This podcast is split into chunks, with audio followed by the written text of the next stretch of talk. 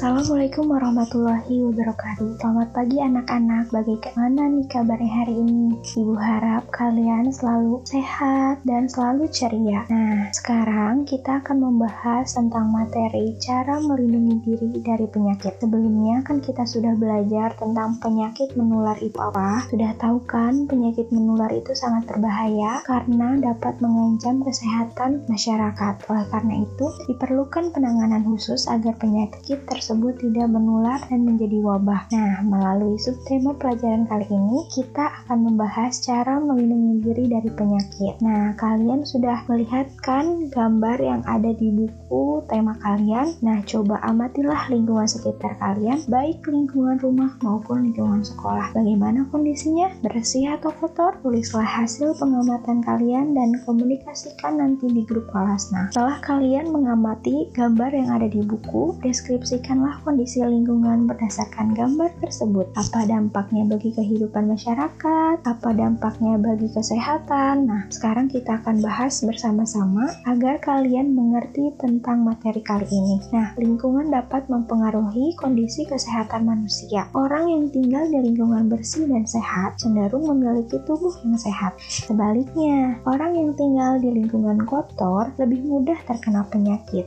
Oleh karena itu, setiap orang hendaknya menjaga tempat tinggal agar tetap sehat dan bersih. Dengan menjaga kebersihan, kita sudah berupaya melindungi diri dari penyakit. Nah, cara mencegah penyakit itu kita harus sehat, harus bersih, harus bersih rumahnya, bersih lingkungannya, bersih pakaiannya. Nah, mencegah lebih baik daripada mengobati. Tahu kan istilah ini mengajak kita untuk mendahulukan tindakan pencegahan penyakit daripada mengobati penyakit.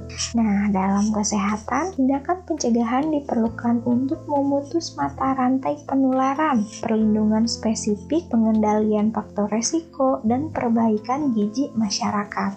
Cara pencegahan penyakit menular itu diatur dalam Undang-Undang Peraturan Menteri Kesehatan Nomor 82 Tahun 2004 tentang penanggulangan penyakit menular. Berdasarkan peraturan tersebut, pencegahan dilakukan dengan promosi kesehatan, pengendalian penilaian faktor resiko, penemuan kasus, penanganan kasus, pemberian kekebalan atau yang disebut dengan imunisasi, dan pemberian obat pencegahan secara massal. Nah, pencegahan penyakit juga dilakukan dengan membiasakan budaya hidup sehat. Bagaimana caranya? Tindakan yang dapat kamu biasakan sehari-hari. Yang pertama, mencuci tangan menggunakan sabun. Jadi, tangan kita itu harus dicuci ketika mau mau makan, mau mengambil sesuatu, mau membersihkan muka, pokoknya harus mencuci tangan menggunakan sabun. Yang kedua, membasmi jentik-jentik nyamuk. Nah, membasmi jentik-jentik nyamuk ini biasanya suka ada di bak-bak kamar mandi, terus di genangan-genangan air. Yang ketiga itu ada menggunakan air bersih untuk keperluan rumah tangga. Jadi kita itu harus menggunakan air itu dengan keperluan yang kita butuhkan sehari-hari jangan menghambur-hamburkan air. Nah, yang keempat itu mengkonsumsi makanan bergizi dan seimbang. Jadi jangan lupa minum susu, minum air putihnya yang banyak, makan sayur, makan buah-buahan, makan daging, karbohidratnya juga. Nah, dari makanan tersebut otomatis nutrisi kita itu akan terpenuhi dan kita juga akan terhindar dari penyakit. Nah, yang selanjutnya itu ada melakukan aktivitas fisik atau yang bisa sering kita bilang itu adalah olahraga. Olahraga secara rutin. Bagus. Nah, yang selanjutnya ada menggunakan jamban sehat. Ketika kita menggunakan jamban sehat, maka otomatis ke badan kita juga akan sehat. Jamban itu yang disebut dengan WC, WC-nya harus bersih. Nah, selanjutnya ada menjaga dan memperhatikan kesehatan organ reproduksi. Harus selanjutnya ada mengupayakan kondisi lingkungan yang sehat. Nah, di rumah kita juga harus bersih-bersih, kamarnya harus bersih, lingkungannya harus bersih, buang sampah harus ke tempat sampah, jangan sampai sampahnya menumpuk. Nah, selanjutnya ada mandi secara teratur minimum minimal dua kali sehari. Nah, kita juga harus mandi dua kali sehari. Ingat mandinya harus bersih. Nah, pembiasaan uh, hidup sehat dapat mencegah penyebaran penyakit. Dengan pembiasaan tersebut, kita berperan aktif melindungi diri dari penyakit.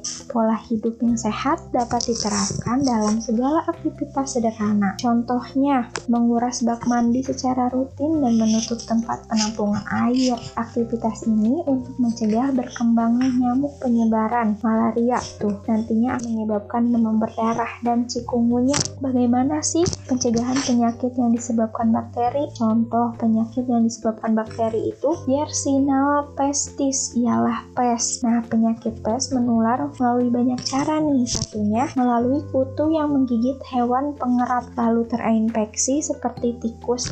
Nah, resiko penularan pes lebih besar jika seseorang berada atau mengunjungi wilayah yang terjangkit wabah pes. Nah, untuk mencegah penularan pes, masyarakat perlu mengawasi dan mengendalikan hewan pengerat di lingkungan sekitar. Tindakan yang dilakukan yaitu menghindari penumpukan benda rongsok, makanan, atau sampah. Nah, gunakan sarung tangan agar saat kita membersihkan tumpukan sampah, kita tidak terkena bakteri-bakteri yang tidak terlihat nih. Nah, sebagai upaya mengatasi penyakit yang disebarkan oleh nyamuk, pihak terkait biasanya selalu melakukan fogging atau yang disebut dengan penyemprotan. Penyemprotan apa coba? Ada yang tahu? Nah, sekarang tugasnya selain kalian menulis tentang kondisi lingkungan di sekitar kalian, sekarang catatlah informasi yang kamu peroleh, kemudian komunikasikan pada teman-teman kalian yang ada di grup. Nah, ya, jangan lupa dicari apa sih fogging itu,